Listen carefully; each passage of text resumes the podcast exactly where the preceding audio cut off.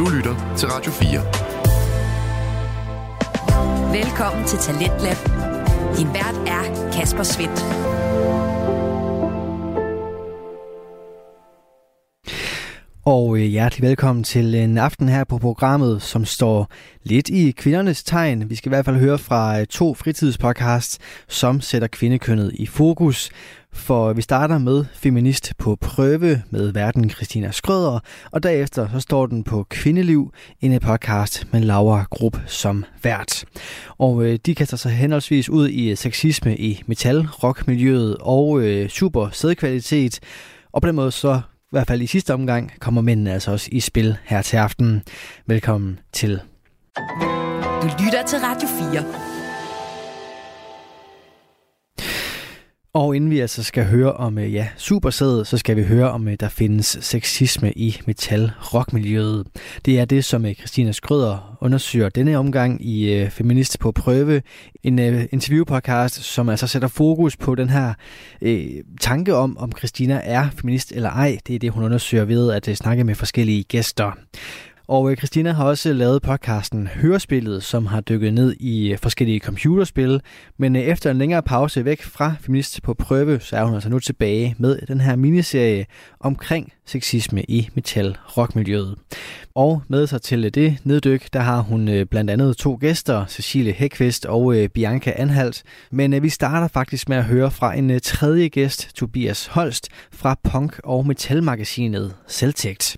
Og ham kan du kort høre fra her, når den står på en samtale om mental helbred, plastikoperationer, stoffer og usunde forhold i aftenens episode af Feminist på prøve.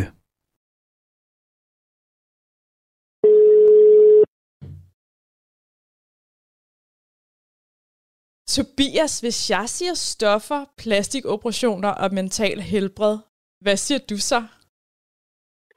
Øhm, så siger jeg for det første, at jeg synes, at de to første ting, det er folks helt eget valg. Øh, der vil jeg ikke blande mig i, hvad folk gør. Men det, jeg vil blande mig i, det er, om andre blander sig i det. Det er sådan ting, som man skal beslutte for sig selv, fordi det er noget, man har lyst til at gøre. Mentalt helbred, det vil jeg sige, det er noget, vi alle sammen skal blande os i det er der, hvor vi har et ansvar over for hinanden, for vores familie, for vores venner og for folk, vi møder, om at tage os af hinanden og passe på hinanden. Øhm, og det, det er ikke kun, hvis man ser en, der falder på cykel og slår sig. Det er også, hvis man har en kammerat, som svarer mindre på beskederne, end man plejer, eller hvis man kan se, at ens øh, ven går og taber sig på en måde, der ikke er sund for dem, eller hvad det nu kan være. Øh, jeg mener helt klart, at, at mental helbred er noget, vi skal tage alvorligt. Det er noget, vi skal tale om, og det er noget, vi skal hjælpe hinanden med. Ham vi hørte her, det er Tobias Holst. Han har beskæftiget sig med metal- og punkmiljøet i rigtig mange år, og i dag der er han en del af punk- og metalmagasinet Selvtægt. I sidste episode hørte vi Cecilia og Bianca fortælle om blandt andet grænser, stereotyper og forventninger til kvinder i metalmiljøet. I dette afsnit der vil vi komme omkring mental helbred, plastikoperationer og usunde forhold. Vi fortsætter derfor, hvor vi slap i samtalen med Cecilie. Vi skal snakke noget mere om, at, øh, at du også har... Øh, du har jo delt en masse på din Instagram, øh, netop omkring sådan noget med mental helbred, og have været i et usundt forhold, og alt sådan noget. Hvor meget af det hænger også sammen med det miljø, du er kommet i? Jeg må sige, det holder meget sammen med miljøet, fordi at jeg er midtperson i det miljø også. Øhm, og som vi snakkede om tidligere, det der med Muddy Crew og den subkultur, der er, han har jo lært rigtig meget af han, et af hans synspunkter på kvinder Øhm, fra den her kultur her. Øh, og det er jo så blevet viderebragt over for mig, som i for eksempel det her med plastikoperationer. Øh, jeg havde, altså, jeg havde overvejet at få lavet silikonbryster på et tidspunkt, øh, og været sådan lidt on and off med tanken, fordi altså, du ved, det svinger rigtig meget, hvordan man ser på hans egen krop nogle gange. Mm. Øh, men det var meget vigtigt for ham, øh, og det lykkedes sig til sidst at få Mortal til, nu skal vi have det lavet. Og, øh, og det blev faktisk lavet inden for, inden for ni dage, efter vi snakkede om det. Det er også vildt nok, altså sådan også at kunne gå ned og så bare få lavet sådan en operation, der er så indgribende, fordi du laver jo om på din krop. Altså, ja. Personligt, da jeg fik lavet bryster, det var jo en længere proces, og der skulle jo gå en masse dage, og jeg skulle tænke over det, og jeg skulle altså min læge, han var jo også meget sådan radikal. Han var meget sådan, Christina, du kan altså ikke få mere end 325 i hver dit bryst. Mm. Fordi ellers så, øh, så, så bliver det for voldsomt, sagde han til Ja. mig. Og så ville han ikke lave det. Og, og jeg var sådan lidt, om det er stort, det er stort nok. Og, og så alligevel, så var jeg sådan lidt, ej, de kunne godt have været større. Ja. Men jeg havde faktisk en læge, en kirurg, der faktisk sagde, nej, nej, Jamen, Christina, du skal ikke have nogen, der står sådan, fordi det, det, det, det, vil, øh, det, vil, det vil blive for voldsomt. Ja. Øh, men at tage en hurtig beslutning, altså på ni dage, Det, det er rigtig voldsomt. Øh, og, og, og jeg, altså, han prøvede jo faktisk at overtale mig på selve dagen, jeg skulle opereres. Jeg har 440 nu, øh, og han sagde til mig, hey, kan du ikke lige tage en snak med ham kirurgen her, og så lige sige til ham, om du ikke lige kan få 500 eller 550 ml i stedet nej, nej.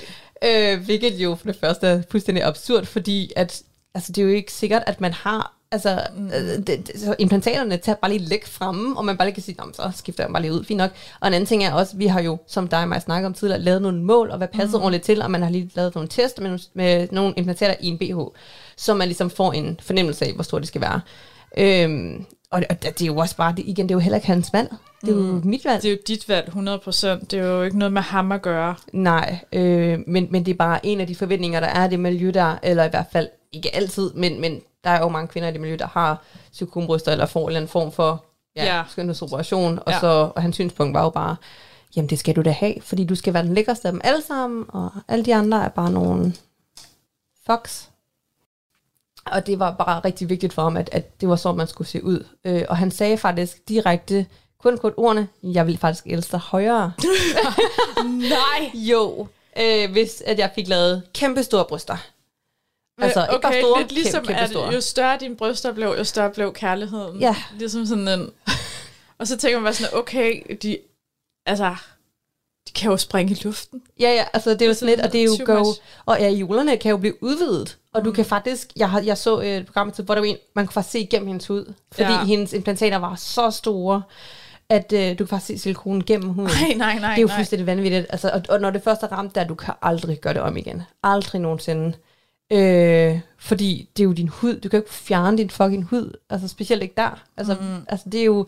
Og min, min ko sagde faktisk til mig, da vi snakkede om, at jeg skulle lave bryster i anden omgang, som min derværende kæreste rigtig gerne have, ville have, at jeg skulle have lavet. Jeg tror, jeg tror lige, at man skal forklare, at Ja. ja. det sted, du fik lavet bryster, der var der en eller anden garanti om, at hvis du ville have lavet igen, så øh, kunne du gøre det inden for et år til halv pris. Lige præcis. Og så min, øh, min kæreste der, han ville gerne have, at, øh, at de skulle helt op på 800 mm. det er det er jo- Det er jo dobbelt så stort. Ja, faktisk. Ja, lidt, ja, lidt, ja, ja lige dobbelt så stort. Og det skal ja. altså lige sige, Cecilie, hun er altså, altså hun, hun er jo en, en skøn, tynd kvinde. altså sådan, det er jo, du er ikke, altså du er ikke særlig stor. Nej, så det er jo og, sådan lidt, altså, jeg vil jo falde forover, hvis jeg fik ja, også det. 800 ml i, og det ville se fuldstændig absurd ud. Altså, jeg vil, det vil jo give rygproblemer. For det første, hvis vi bare snakker af sundhedsmæssige årsager, øh, så, så det giver jo rygproblemer, og det vil, altså, det vil man, man vil ikke kunne være i stand til at, at træne, eller så arbejde hjemmefra, for man kommer til at sidde og krumme ryggen og så videre, ikke? Så det er jo bare virkelig dårlige beslutninger for at lave så store, i min optik i hvert fald.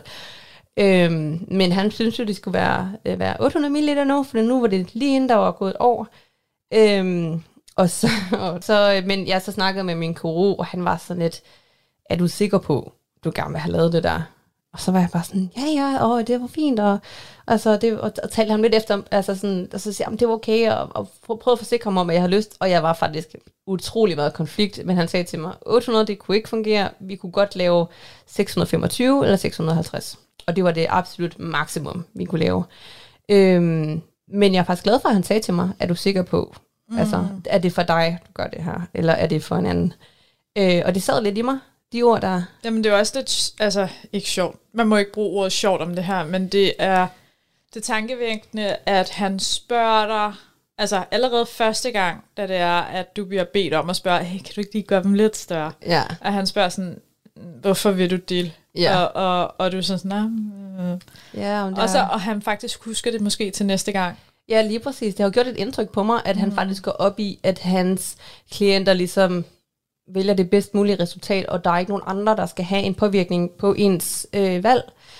Øhm, og det, det føler jeg var meget vigtigt for ham, jeg skrev ham faktisk en mail øh, et år efter, Mm. hvor jeg sagde til ham, øh, eller måske et halvt år efter faktisk, fordi når jeg tænker over, det var slutningen af mit forhold, at det her det foregik, hvor jeg sagde til ham her, tak, jeg er så glad for, at jeg ikke får lavet en operation mere, og jeg er glad for, at jeg ikke lød mig manipulere og overbevise om, at jeg skulle det her, for det var faktisk ikke noget, jeg havde lyst til. Det var noget, jeg troede, jeg havde lyst til. Men når jeg lige fik tænkt mere over det, og også fordi jeg havde den her dårlige mavefornemmelse, så gik det op for mig, at det var virkelig vigtigt at lige lytte til den der mavefornemmelse, mm. og, og så aflyse tiden. Man kunne altid få lavet en ny, hvis ja, det endelig var. lige præcis. Men altså, du har jo ikke behov for at skulle have lavet flere operationer i din bryst, i hvert fald ikke lige forløbig. Man kan sige, hvis det er, du får børn en eller anden gang, og de måske lige begynder at hænge lidt sjovt eller sådan noget, så ja, fred være med det, og når der er gået 10 år, jeg ved ikke, om de skærer faste. Det er sådan en uh, pige-ting, dreng. Ja. så, uh, så skal man have skiftet dem efter 10 år, hvis de ikke er skærefaste. Ja. Jamen det, det mener jeg, jeg skal. Så det må jeg jo lige tage til den tid. Tæller år. Må, nu må vi lige se. Man kan så også sige, det kan jo, man, nogle gange kan man godt skubbe det et år eller to, eller sådan noget. Gå lige ja, ja. på, hvad en kirurg siger. Man kan jo gå ind og lige få en snak om det, kan man sige. Men jeg tror også, altså, der er nogen, der gerne vil have dem større efterfølgende. Jeg tænker, at jeg beholder det på det, på det samme, eller måske endda lidt mindre, fordi at man kan så også sige, at ens udseende og en stilmæssigt ændrer sig over, over årene, øh, og hvor meget fokus man gerne vil have på ens barm ja, man kan også sige, at sådan noget som fedtdepoter og sådan noget, de kommer over også løbende, men ja. altså ja, fra min egen side af, så det er svært at holde fedtet væk. Det, det sidder der bare lige pludselig, bum. Det, det øh, kan godt komme øh, ja, pludselig. Ja, lige præcis. Og selvom man føler, at man går i fitness hver dag. Mm. Åh, oh, det er så træls. Um, anyways, hvis vi snakker noget mere om mental helbred, um, hvordan, uh, hvordan har du det egentlig i dag? Altså sådan, nu er du nu er du ude af, af det forhold, der, der måske ikke har, har været det fedeste. Øhm, der er jo mange ting, du har skulle overkomme. Jeg ved, fordi vi har snakket lidt om det, at du også har haft lidt problemer med noget, noget stoffer og sådan noget i dit tidligere forhold. Ja. Hvordan har du det i dag? Er altså, du ude af det? I, I dag er jeg ude af det, og fuldstændig clean. Øh, og jeg, jeg drikker alkohol en sjældent gang imellem. Mm. Men jeg så vidt muligt prøver faktisk at lade være, og så drikker alkoholfri drinks eller øl. Fordi at alkoholen ligesom sætter gang i noget i mig, og at så bliver man måske lidt sløv eller noget, og så kan man da godt lige tage lidt, lidt coke eller, ja. eller hvad. Men, men så det er jo ligesom derfor, jeg faktisk har lagt alt det der bag mig, mm. øh, for ikke at falde i igen, og ligesom leve mit bedste liv, og være den bedste udgave af mig selv, jeg overhovedet kan være. Øhm, men når vi snakker mental helbred øh, i dag, så jeg er jo noget længere, end jeg var for øh, et år eller halvandet år siden faktisk, da mit forhold sluttede.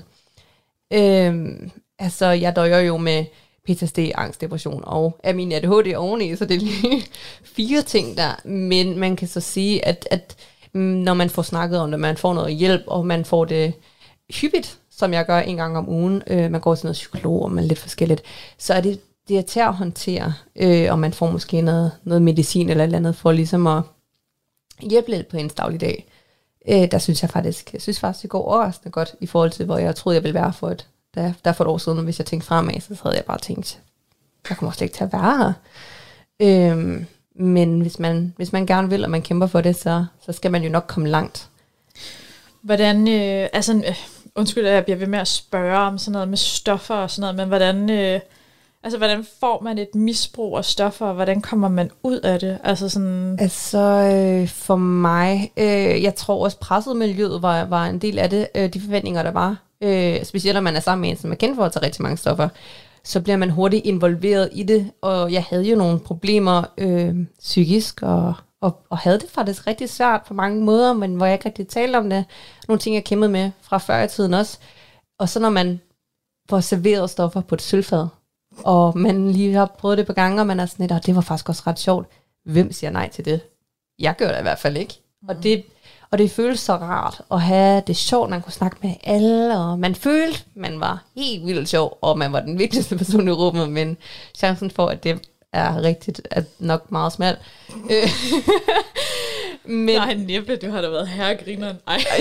jeg, jeg, jeg har fået at vide, at jeg snakker utroligt meget. Om det gør du også, selvom du ikke er på stoffer. Nå ja, så prøv at forestille mig, hvordan det er, når, jeg for, så, så har været påvirket. Det er jo, altså, der er jo ikke nogen, der har fået et ord ind overhovedet.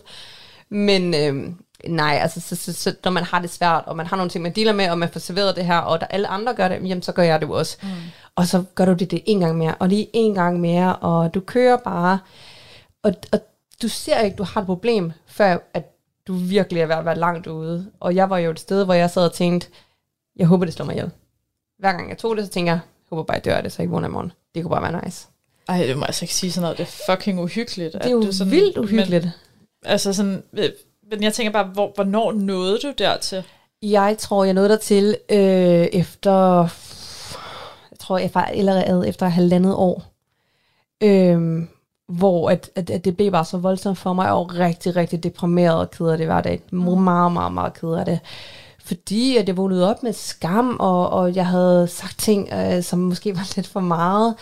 Øhm, når jeg havde været påvirket, eller hængt ud med typer, jeg faktisk ikke rigtig brød mig om, eller var en del af, bare en del af miljø, som, som jeg kunne mærke var ikke var sundt for mig, øhm, som havde en negativ effekt. Øhm, og så, så var jeg bare sådan, jeg kan jo ikke, jeg følte ikke, der var nogen vej ud, jeg følte ikke, at, at, øh, at, at jeg kunne altså, komme om på den anden side på, på en positiv måde. Øh, så jeg havde lidt den der med, at nå, så kan det da lige så godt bare ende det hele. Det er da en nem vej ud. Hvilket jo virker helt absurd at sige, kan man sige. Jamen, men det er jo totalt, det er for vildt at sidde og lytte til det her, og jeg sidder virkelig... Fordi vi berører emnet selvmord, så skal jeg opfordre til, at hvis du går og har sådan nogle tanker, ligesom Cecilia, at du snakker med nogen om det, at du eventuelt ringer til livslinjen på 70 20 12 01. Det er ubehageligt at høre på, fordi at det, det er ikke rart at blive konfronteret med, med sådan nogle tanker der. Nej, det er det ikke, også fordi du ikke rigtig har nogen kontrol over det, fordi det kommer ligesom af en grund. Øhm, og det bliver jo selvfølgelig kun værre med tiden. Altså, og, og det lykkedes mig faktisk at skrue lidt ned for stofferne for en periode, et halvt års tid. Der lykkedes det mig ligesom at være sådan, okay, nu skal jeg lige lidt ro på, nu skal jeg lige hvad det hedder, øhm, lige, lige have en pause fra, fra nattelivet. Og det begynder jeg faktisk at få det bedre, men så gør man det lige en gang mere, og så bliver du trukket ind i det med det samme. Det er svært at kunne gøre det en gang eller en sjældent gang imellem. Øh, går an på, hvem man er selvfølgelig, men de fleste mennesker vil have utrolig svært ved det. Øh, men altså, jeg havde jo, min familie var jo ekstremt støttende. Øh, dengang vidste de faktisk ikke, hvor hårdt det stod til, men det var ret bare at være i samme rum, så dem, det, det, det gav mig utrolig meget. Og jeg havde også altså, veninder og venner, som så sagde, kom og overnat hjemme hos os, og så kan du altså, bare slappe af, bare føle dig hjemme. Og det gav os noget tryghed, og ligesom der er nogen, der giver et fuck. Mm. Øh, der er nogen, der gerne vil hjælpe, og jeg har faktisk en veninde, øh, hendes far er misbruger. Øh, eller alkoholiker er det jo så, men det er jo så også alkoholmisbrug. Øh, og hun konfronterede mig faktisk en aften, mens jeg var high, før vi overhovedet sådan var særligt tætte. Vi har kun snakket et par gange, der hun arbejdede faktisk på den her klub.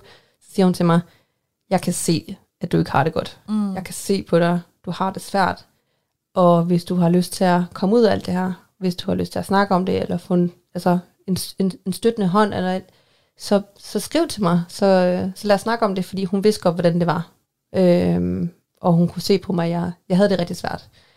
Øh, og det, det, det gjorde ikke en effekt med det samme, at hun tog mig til side, og jeg var sådan, ja, ja. Men, men det sad i mig, det mm. gjorde det. Øh, og det havde en effekt på, at, at jeg ligesom var sådan, jeg tror sgu, jeg er bedre end det. Altså, det, jeg, jeg, jeg, jeg kan godt gøre noget andet, jeg kan, jeg kan være en bedre udgave af mig selv, fordi hun kan se, at jeg, at jeg kan, det, jeg kan gøre det bedre. Øhm, så det gjorde helt klart en, en stor effekt på mig. Hun har så blevet hos mig i alle de år her også.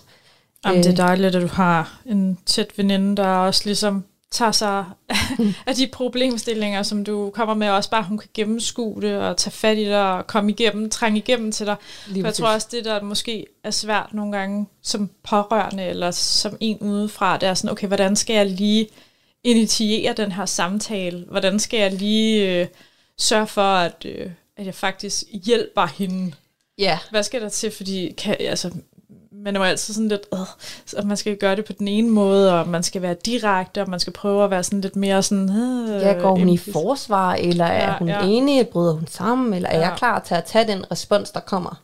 Øh, ja. Øh, for det er jo utrolig meget ansvar at tage, kan man sige, hvis personen bare bliver sådan helt, ah, fuck dig, eller bliver rigtig ked af det, og så har brug for konstant støtte efterfølgende.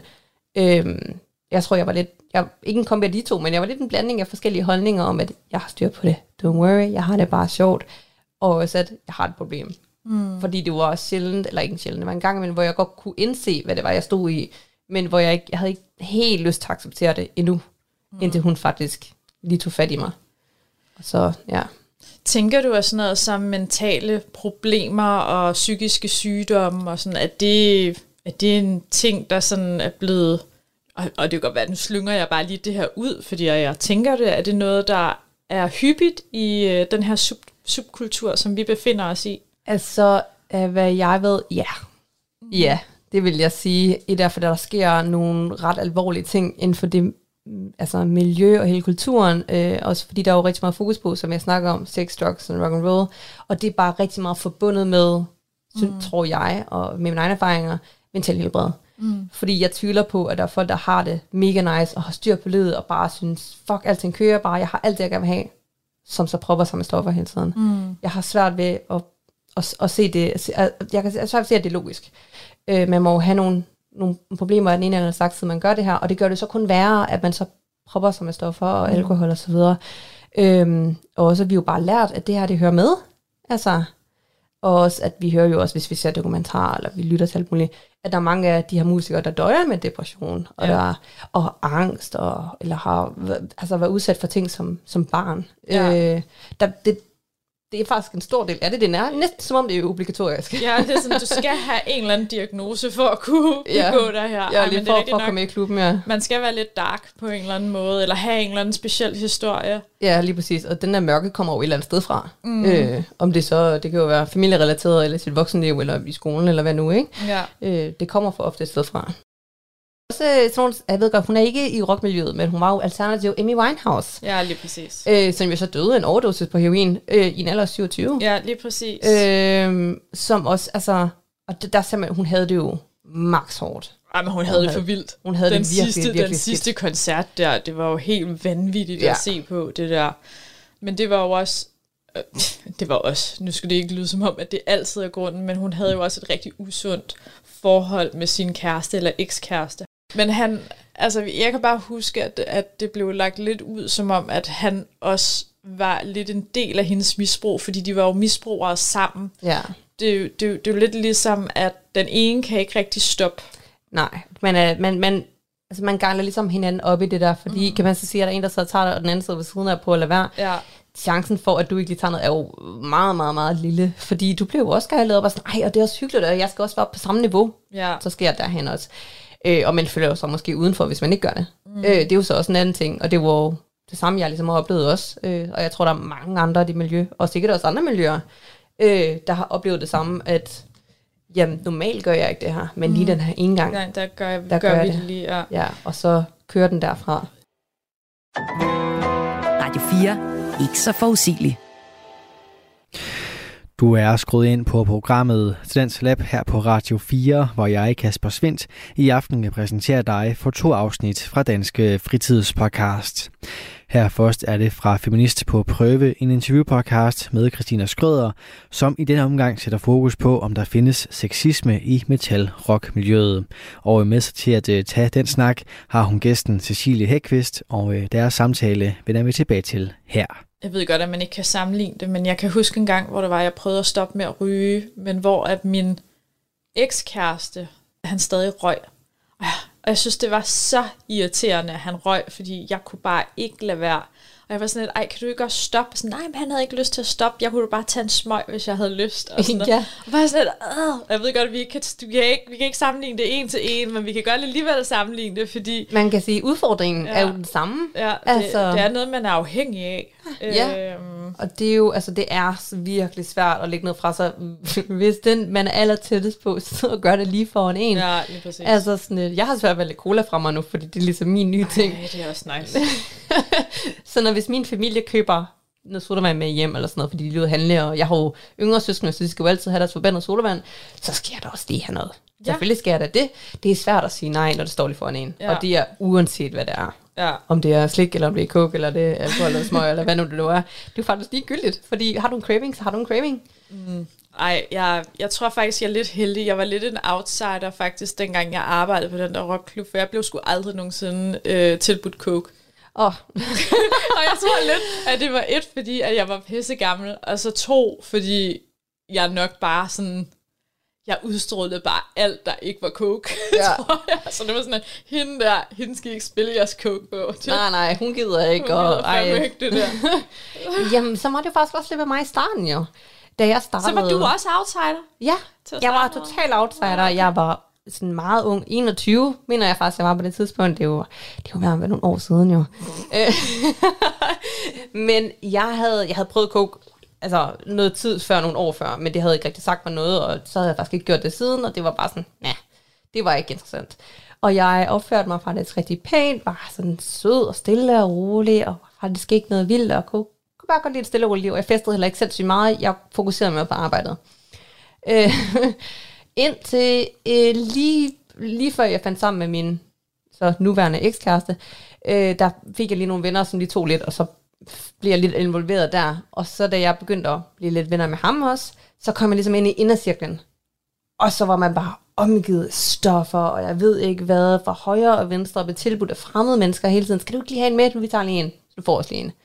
Men før det var jeg slet ikke klar over, at det stod for dernede. Nej, ej, men det var så jeg heller ikke. var jeg. Jamen, jeg, Da man kom ud på badeværelset, man sagde, hey, du skal ikke være ude på kvindetoilettet, eller en Ja. fyr, der stod Nå, ja, derude, det og så var er de bare sådan, gav en det vildeste blik, hvor man bare var, hvad fanden Ej. sker her? seriøst, jeg tror igen, der er nogen, der vil sidde derude og så tænke sådan, det der sker ikke i virkeligheden. og det sker bare Og- hele tiden og det sker bare hele tiden. Det findes så ikke mere. Nej, det er ikke eksisterende mere, og der kan jeg kun sige thank God, men det er ikke alle, alle der er enige i den holdning, men for mig handler det nok mere med, at det der med, at du bliver involveret rigtig meget, der har jeg det faktisk fint med, at det er lukket ned, øh, men selvfølgelig at gå på koncerter og sådan noget, der var det meget fedt.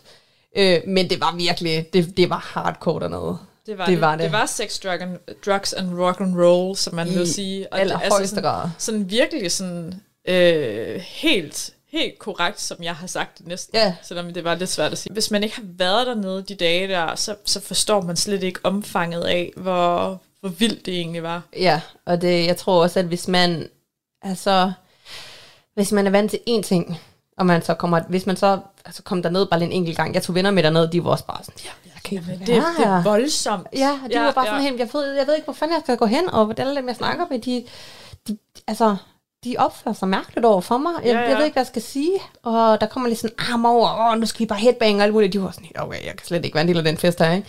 Så det endte faktisk med, at jeg var nødt til at gå med dem. Ja. Fordi at det var for meget for dem, de kunne faktisk ikke håndtere det. Og for mig var det faktisk en lidt kedelig fest. Ja, ja, fordi at, at de ikke var med på den, eller Ja. sådan, ja, for, man var bare sådan, nej, men det er bare sådan, man gør hernede, og ej, er det ikke sjovt, og, og sådan, det har jo bare været sådan sindssygt indtryk for folk udefra at komme ja. med til sådan en fest der. Det er jo klart, og du også du rykker dine grænser hele tiden, når du er en del af sådan et miljø i lang tid. Øh, og ofte, kan man sige, hvis man er ofte i byen, eller hvad nu. Øh, så det er jo klart, at man ikke ser, hvor voldsomt det måske er for andre. Øhm, fordi at du, det virker bare så normalt. Jamen lige præcis. Vi skal lige runde det her med øh, mentalt helbred, og så netop, at øh, det er jo lige, eller det er jo ikke lige, men der er jo den her, øh, det her Metal Award Show, øh, som hedder Den Hårde Tone, som, øh, som har været lidt i medierne, øh, i hvert fald Sort Søndag og nogle forskellige, der har delt det. Også øh, på Reddit har man også kunne læse lidt. Ja, der har været en del øh, Ja. talk. Yes, og øh, det, er jo, det, er jo, det er jo fedt, at øh, den hårde tone, de blandt andet tager, tager det her emne op med mental helbred, og samtidig så, øh, så melder et band ud, men at de jo har meldt afbud til det her awardshow på grund af en, ja, en person, der, Ja, der- der... Øh, skal deltage. Øhm, og, og jeg sidder bare sådan lidt og tænker, hvad, hvad, hvad tænker du om hele den her situation? Øh, et, det her med, at de sætter fokus på mental helbred, helbred og så to, at, øh, at der er et band, der vælger ikke at dukke op, fordi at der måske er nogle ting, der gør, at øh, de ikke har lyst. Altså, jeg synes jo, det er mega vigtigt. Øh, også fordi, at mental helbred er så stort et emne nu til dags. Og at står man inden for det, og man så skal arbejde sammen med et awardshow øh, og podcast, som så siger, at de gerne vil snakke om mental helbred, men de faktisk støtter op om en eller flere, for den tages skyld, som ikke nødvendigvis sætter det lige så højt, øh, som andre gør. Og det er jo det, de har gjort. De har jo været ude og melde fra, fordi at der har været... Øh, Altså bandet har været ude og melde fra. Ja, og at de ikke vil deltage i det her awardshow her, spille, spille til, øh, til begivenheden, øh, fordi der simpelthen var en person, der ikke delte de samme værdier, som de gør, og jeg kan godt forstå det, et band med en kvindelig forsanger, øh, vil da helst ikke deltage i et program, hvor det er, at der er en med, som, hvis vi bare siger det direkte, er meget mandsjuvenistisk, og ikke øh, nødvendigvis er, øh, et mis, altså, så, så, så god ved kvinder. Men er vi sikre på, at det faktisk er det, det der er grunden egentlig? For de har jo ikke meldt noget officielt ud. Mm, Nej, altså sådan som jeg forstår det, så har Mia så kommet med en udtalelse, eller fået at vide og snakket Og, med og, nogen om, og det skal lige siges, Mirza er stifteren af den hårde tone. yes, ja. ja, at øh, han har fået at vide, at det var en specifik person, der har været med ind over. Om han er den eneste grund, ved jeg ikke. Det kan sagtens være, at der er flere årsager. Øh, men det var først efter podcasten med den her person kom ud, at bandet vælte fra. ja. Øh, og der blev også nævnt nogle ting i den podcast, som godt kunne, ja, ligesom lige sætte ild i, det, i den her debat her. Mm. Øhm, og personligt, så synes jeg faktisk, det er helt okay. Øhm, og jeg kan godt forstå, hvorfor de gør det. Det kan jeg godt, fordi at, at jamen, det, det er svært at virke oprigtig, hvis man ikke yder en konsekvens over for den type opførsel. Øhm, jeg har også selv, som du ved, været involveret i nogle ting, øh, som, og det, det gør meget ved en person. Det gør utrolig meget ved en person, og jeg synes, at retfærdigheden øh, skal ske, Mm. og at der ligesom er nødt til at være en konsekvens for den opførsel, og for, den, for det synspunkt, man har på kvinder og mental helbred, fordi at meget af det handler jo om, at, øh, at kvinder bliver set på på en speciel måde, og at øh, altså, hvad vi står tilbage med efterfølgende, Mm. som ikke nødvendigvis er regnbuer og Og sommerfugle. Ja, lige præcis, og candyfloss skyer, eller hvad, hvad man siger. Øhm, så jeg, jeg synes, det, det er mere end fair. Øhm, Mm. Og jeg synes, hvis jeg skal være helt ærlig, at jeg har ikke noget mod podcasten. Altså, synes, de kommer den over hårde tone. Den hårde tone. For jeg synes, de kommer over nogle gode ting. Men jeg, i hvert fald det afsnit, jeg har hørt, jeg har kun hørt et afsnit, der synes jeg ikke nødvendigvis, de kommer ind over mental helbred.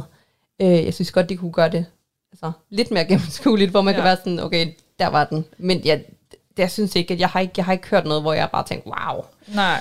Øh, og fedt, at man lige har fokuseret på det. Altså, jeg tænker til Mirsas forsvar, at øh, det her med det mentale helbred, det skal jo komme til udtryk i selve awardshowet, men jeg kunne så også forstå i interviewet med Sort Søndag, at, øh, at det ikke var, der var ikke noget konkret endnu, men at der ville være nogle videoer og sådan noget til selve awardshowet, men derfor så synes jeg stadig, det er fair nok at gå ind og så stille spørgsmålstegn ved de personer, der er inviteret, eller skal figurere som øh, jury, eller yeah. hvordan det er, at de sådan skal være repræsenteret til showet, hvem det er, man inviterer. Det er nemlig det, fordi man er virkelig nødt til at genoverveje, hvem det er, man har med til sådan noget. Mm. Øh, er det nogen, der har en stærk holdning inden for den slags, og står op for den her? Mm. Eller er det bare nogen, der er, altså, er gode til at formulere sig og har meget på hjerte? Om det så er positivt eller negativt. Det er Ja. bare rigtig vigtigt, at man vælger med omhu der.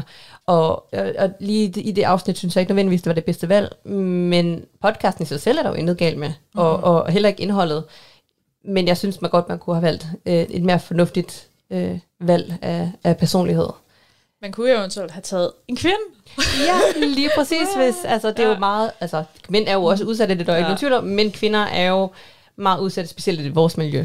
Ej, man kan i hvert fald sige, at hvis man gerne vil have fokus på netop, øh, at man, man rammer en bredere målgruppe, og man inkluderer alle, så tror jeg, at, at jeg at tage en, en ciskønnet mand, så, altså som virkelig ciskønnet, som det første program, Ja, og, Og ekstremt snak. mandsjuvenistisk oveni. Ja. Øh, der tænker jeg heller ikke lige... Ja, øh, ja, det, det, det, det, det var i hvert fald bare lige stof til eftertanke i hvert fald. øh, men ja, det sjove er jo faktisk, eller det er jo heller ikke sjovt, nu, det, nu bliver jeg ved med at sige, det er sjovt, men øh, det spøjse er jo, at øh, jeg tror egentlig, at øh, den hårde tone har potentiale til at, øh, til at være et mega fedt awardshow, ja, altså jeg føler også, at altså, Mirza, han er, han er god til at, hvis han sætter sig et mål, så er han god til at komme derhen. Mm. Øh, og han, jeg tror også, han har rigtig gode intentioner med det her. Det er bare, husk på, og altså lige få det vendt på den rigtige måde. Øh, men jeg håber også, at kun at det går fremad, og det kommer til at blive en succes historie, og at øh, der ligesom bliver lagt fokus på de ting, der bliver nødt til at blive lagt fokus på mm. nu til dags. Øh, men han har jo altid været dygtig til det, han laver, så jeg tænker, han nok skal komme Ja. derhen af. Og jeg vil også give, give Mirza den, at han øh, kontaktede jo faktisk mig engang og spurgte, om jeg ikke ville være konferencier på øh, Prime is Coming, og jeg synes, at det var super godt valgt. Ej, Var det lige en kompliment til dig selv der? ja, fordi jeg var så god. Ej, øh, nej, men fordi at jeg er kvinde, øh, og fordi at kvinder ikke bliver altså, repræsenteret i de her roller særligt tit. Det er jo også først for nyligt, at man begynder at have kvindelige værter på, øh, på Copenhagen og sådan noget. Ja. Så, så jeg synes jo, at det, det skulle et godt træk. Jeg tror, han har hjertet det rette sted. Helt øhm, sikkert. og jeg tror også, at han, han lytter til, til den kritik, der, der muligvis er kommet omkring ja, alt det her. Øhm, men, men ja. Altså specielt efter det kæmpe oprør, der er kommet øh, efter podcasten. Jeg, jeg tror, han, han tager det til sig. Mm, øh, det og, håber ja, jeg da i det, hvert fald. Øh, det tænker jeg, at han gør. Han er jo et, øh, et rationelt menneske. Ja. Øh, og så, så jeg, jeg tænker nok, at han skal, han skal genoverveje det, og så kunne vende øh, podcasten så, eller, og hele det her watchshow, efter hvad, hvad folk har brug for at høre, og folk har brug for, i det, øh, for at kunne støtte op om det her. Ligesom i sidste episode, så har jeg Bianca med på en hotline. Bianca har også været en del af metalmiljøet i rigtig mange år. Og selvom Bianca har været en anden del af miljøet, kan hun alligevel genkende nogle af de oplevelser, som Cecilie hun beretter.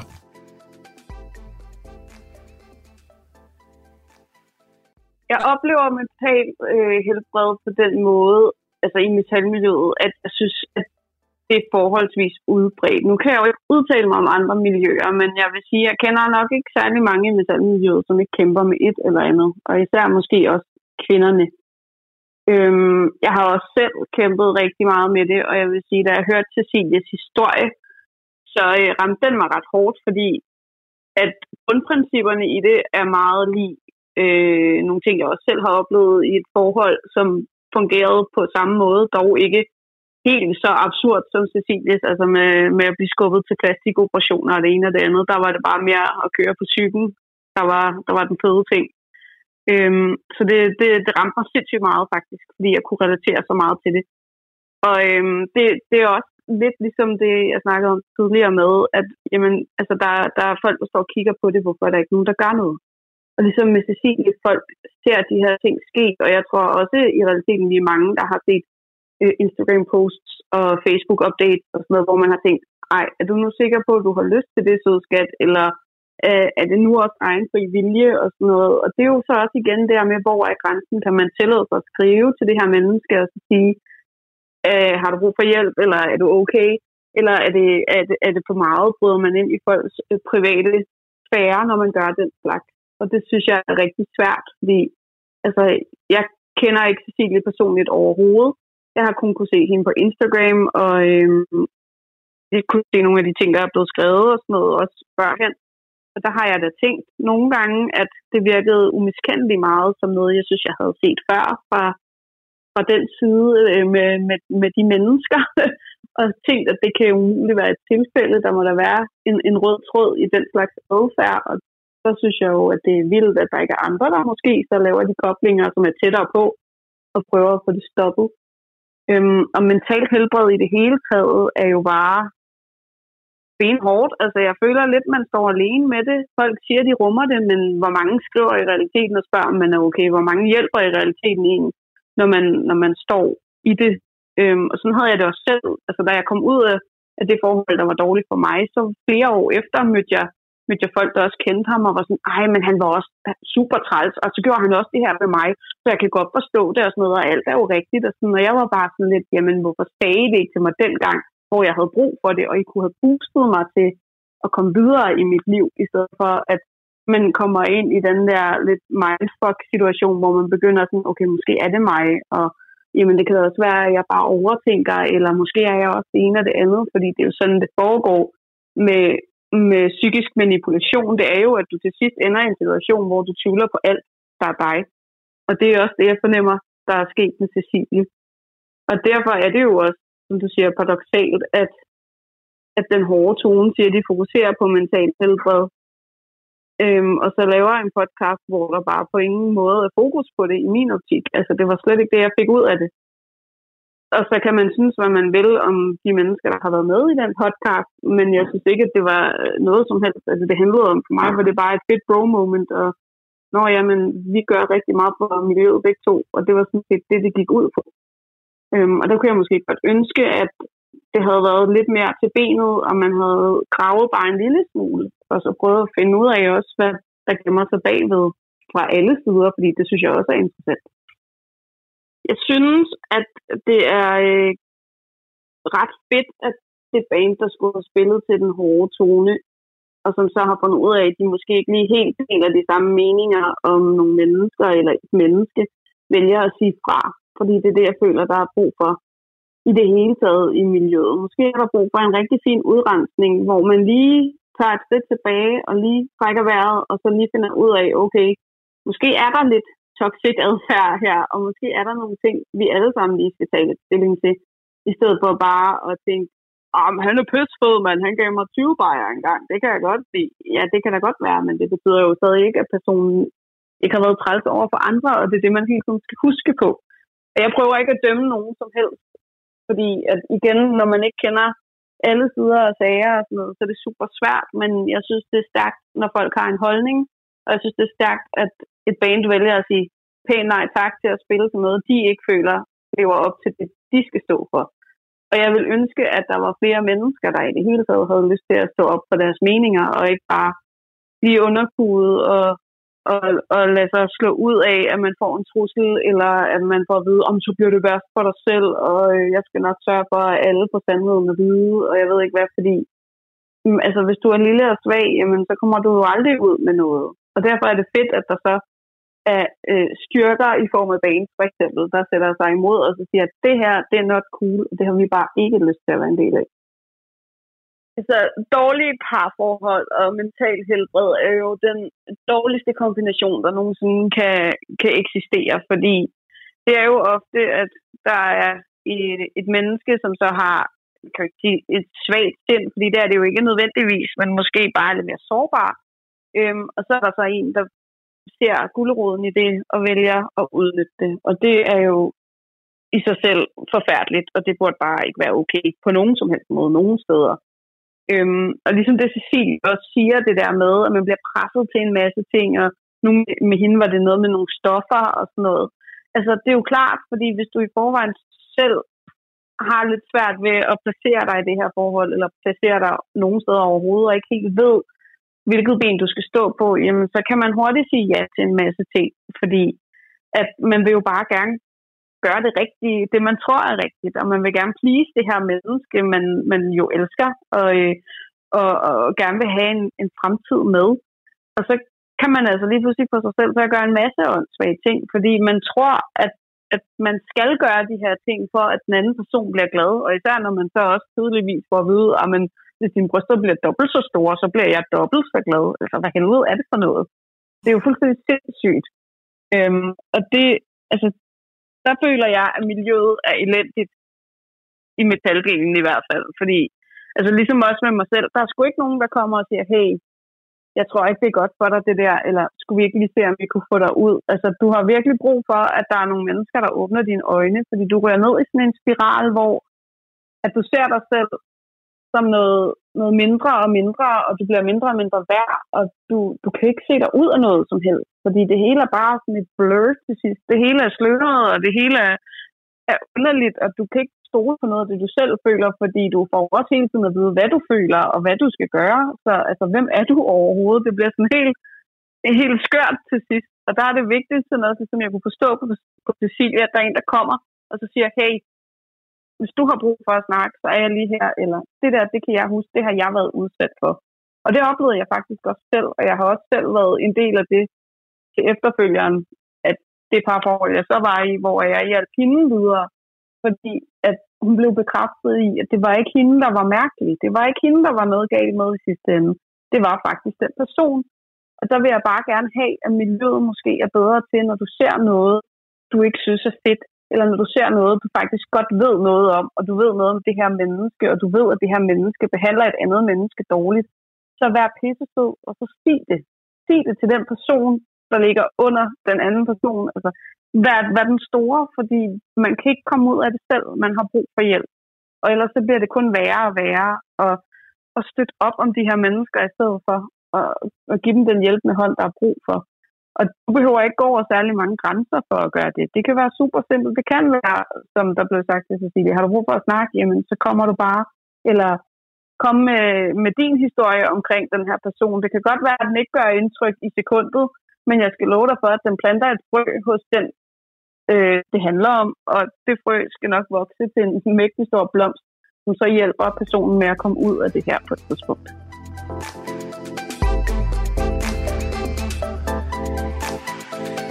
Vi er ikke helt færdige med at tale om sexisme i metalmiljøet. Det er vel på sin plads, at når man vælger at komme med noget kritik, at man så også kommer med nogle løsningsforslag. Så i næste afsnit, der skal vi tale om, hvordan vi hver især kan gøre metalmiljøet til et bedre sted at være for alle. Du lytter til Talentlab på Radio 4. Og som du kan høre, så er der altså en øh, del 3 af det komme efter inde på din foretrukne podcast tjeneste. Hvis du vil høre mere fra Feminist på prøve, en interviewpodcast med Christina Skrøder som vært, der altså her gav os øh, aftenens første podcast afsnit. Og øh, Feminist på prøve kan du også finde inde på de sociale medie Instagram, og det er også gældende med aftenens næste fritidspodcast. Vi bliver i kvindekønnet, og det gør vi sammen med Laura Grupp og hendes podcast Kvindeliv. Det er en øh, videns-, køns- og interview-podcast, som øh, måske meget oplagt sætter særligt fokus på kvindekønnet, cyklus og balance, men podcasten her er altså ikke kun for kvinder. Og særligt mænd kan også høre med i aftenens afsnit, hvor øh, professor i fertilitet Peter Humaydan er med som gæst, og øh, det er han i den her samtale, som blandt andet sætter fokus på mænds sædkvalitet. Og øh, første bid af den samtale får du her. Velkommen til Kvindeliv. En podcast, der vil hjælpe dig med at finde mere ro og overskud i dit liv, ved at forstå den kvindelige cyklus, og hvordan du kan bringe hormonerne i balance med yoga, mad og livsstil. Jeg hedder Laura, og jeg glæder mig til at vise dig, hvordan du får et fantastisk kvindeliv.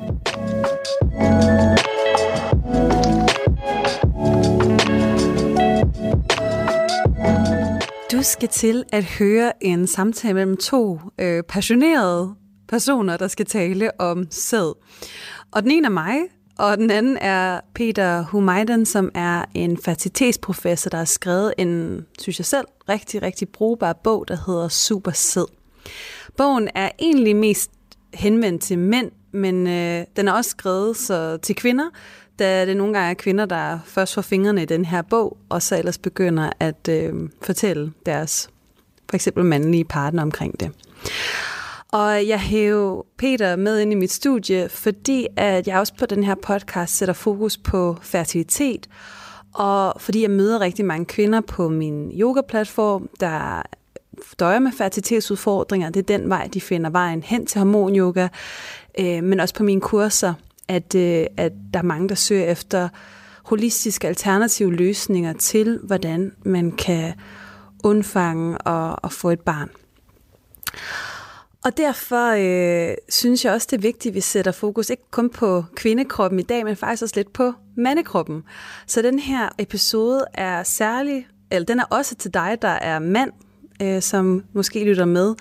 Og, og det må også gerne deles med, øh, med mænd. Det må alle mine afsnit sådan set. Øhm, men det er en, der særligt kan være relevant for mænd at lytte med på. Jeg synes alligevel også, at den er god øh, for os som kvinder, fordi at den giver os en større forståelse af det mm, kan man sige, kulturelle paradigme, der har været omkring, øh, hvor årsagen til fertilitetsudfordringer ligger, og, og spiller også en vigtig rolle i i den ligestilling, som vi også begynder at se nu på fertilitetsområdet, hvor at der bliver større fokus på, hvad mænd kan gøre for at forbedre deres sædkvalitet. Og det har Peter en hel masse rigtig gode råd til, som han, øh, han nævner her i den her episode. Jeg kan også varmt anbefale dig at, at læse hans bog, øh, Super Sæd, som er enormt spændende og, øh, og rigtig brugbar, uanset hvor du er livet selvfølgelig mest til dig, der er i gang med at, at måske prøve at få børn. Øhm, men det kan også være, at du er nogen, du kender, som, som har udfordringer med det, som kunne have glæde af at vide, hvad de selv kan gøre. For øh, som Peter belyser, så er der rigtig mange ting, som man selv kan gøre, i hvert fald for at forbedre øh, sin situation. Øh, og derudover vil jeg selvfølgelig altid anbefale at søge lægehjælp, hvis du står i nogle øh, fertilitetsudfordringer, øh, så du får den rigtige vejledning. Rigtig god fornøjelse med at lytte til øh, alle Peters øh, gode råd og hans øh, entusiastiske energi omkring det her emne.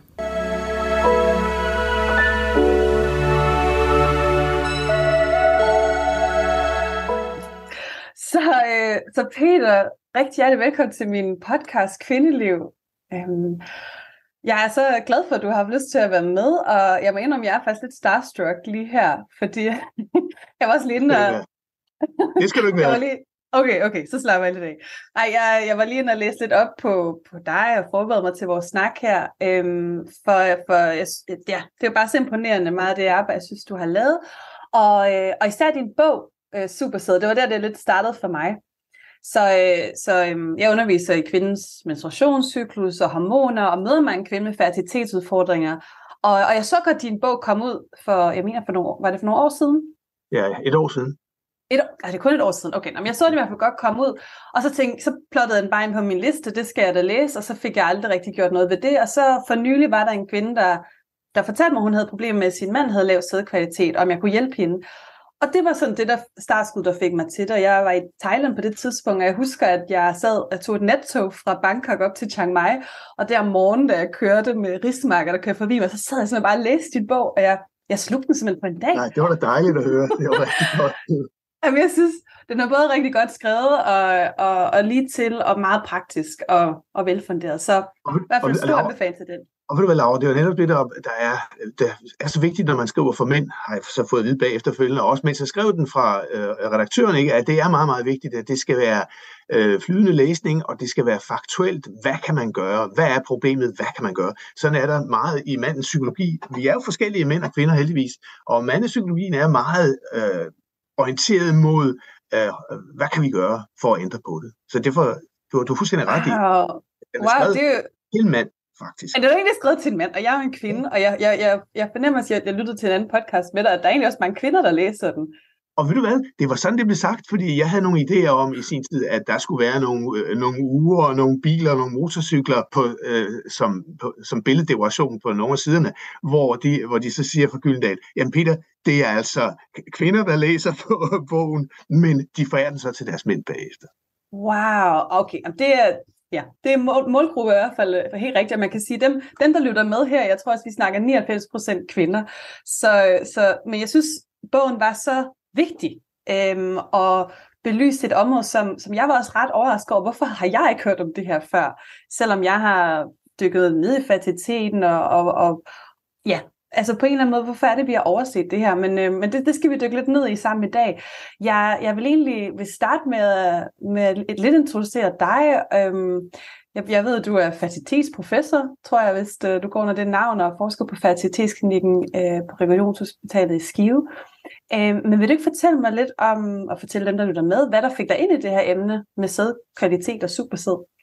Jo, det vil jeg godt. Du kan jo sige, at jeg har ligesom øh, mit eget personlige baggrund, som var, at vi i min kone og jeg i ni år var, øh, så at sige, det der hedder uforklarlige barnløse. Og det er sådan set den dårligste, eller mest irriterende gruppe at tilhøre, for man får hele tiden at vide, at det hele er normalt, og alligevel sker der ikke noget. En meget irriterende gruppe at tilhøre. Det er så mange år siden, og det var ligesom før, der var reagensglasbehandling. Hvis, vi, hvis det havde været let, der var kun et sted i verden, man kunne få reagensglasbehandling dengang på Bornholm i, i England. Øh, og vi var sådan set skrevet op til at tage det over, men det blev så aldrig til noget. Men øh, det, der fik mig ind i det her på det tidspunkt, og, og det, man, det var sådan set den der frustration over at få at vide, at det hele er normalt, og alligevel sker der ikke noget. Og hvad er problemet egentlig bag det? Nu lykkedes det så for os alligevel, uden, øh, kan man sige, medicinsk hjælp. Dengang var det faktisk bare øh, akupunktur, og det var ikke engang akupunktur på mig, det var akupunktur med min kone, der hjalp der. Og vi fik så efterfølgende fire børn. Så du kan sige, det var ligesom om, at der var øh, en problem, en, et indledende problem med frugtbarheden, og når først øh, proppen var gået af flasken, så at sige, jamen så øh, kom børnene øh, spontant. Efterfølgende så begyndte jeg jo at arbejde meget med øh, barnløshed, og det var selvfølgelig fordi, jeg selv havde prøvet det her. Arbejdet med barnløse par, og lavet en del øh, øh operationer, kikkertoperationer osv., osv., og kom så ind i, i reagensglas øh, øh, branchen, eller hvad skal man sige, reagensglas specialet, vil jeg hellere kalde det. Og i forbindelse med det, der lavede vi et af de allerførste studier, og det er snart 15 år siden, hvor vi gik ind og kiggede på DNA-kvalitet. For når man taler om, man taler om sædkvalitet, men i virkeligheden det, man egentlig mener, det er kvantitet. For kvantitet, det er, hvor mange der er, hvordan svømmer de osv. Det er det, vi alle sammen får at vide, når vi afleverer en sædprøve. Men kvalitet, der kan man faktisk, det kan man først tale om, når man begynder at kigge på DNA'et. Radio 4. Ikke så forudsigeligt. Det var aftenens første del af podcasten Kvindeliv, hvor Verden Laura Grupp taler med professor i fertilitet Peter Humaidan, og den samtale kan du altså høre videre på i aftenens time 2 af Tens Lab, men først her på Radio 4, der får du lige en omgang nyheder af verdens bedste nyhedsoplæser. Du har lyttet til en podcast fra Radio 4. Find flere episoder i vores app, eller der, hvor du lytter til podcast.